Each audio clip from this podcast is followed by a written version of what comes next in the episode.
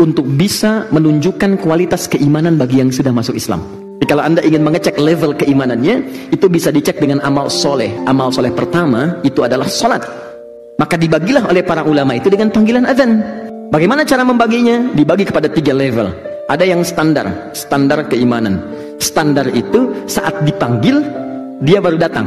Jadi dipanggil misal subuh sekarang 4.38 misal.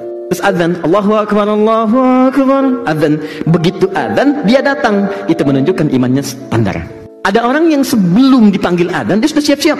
Coba bayangkan, dipanggil 438, dia 4 sudah bangun. Ini menunjukkan level imannya kuat dia. Bayangkan, belum dipanggil datang. Tapi kalau persoalannya dipanggil 438, datang jam 8.34. Dia baru bangun dan gak ingat sholat.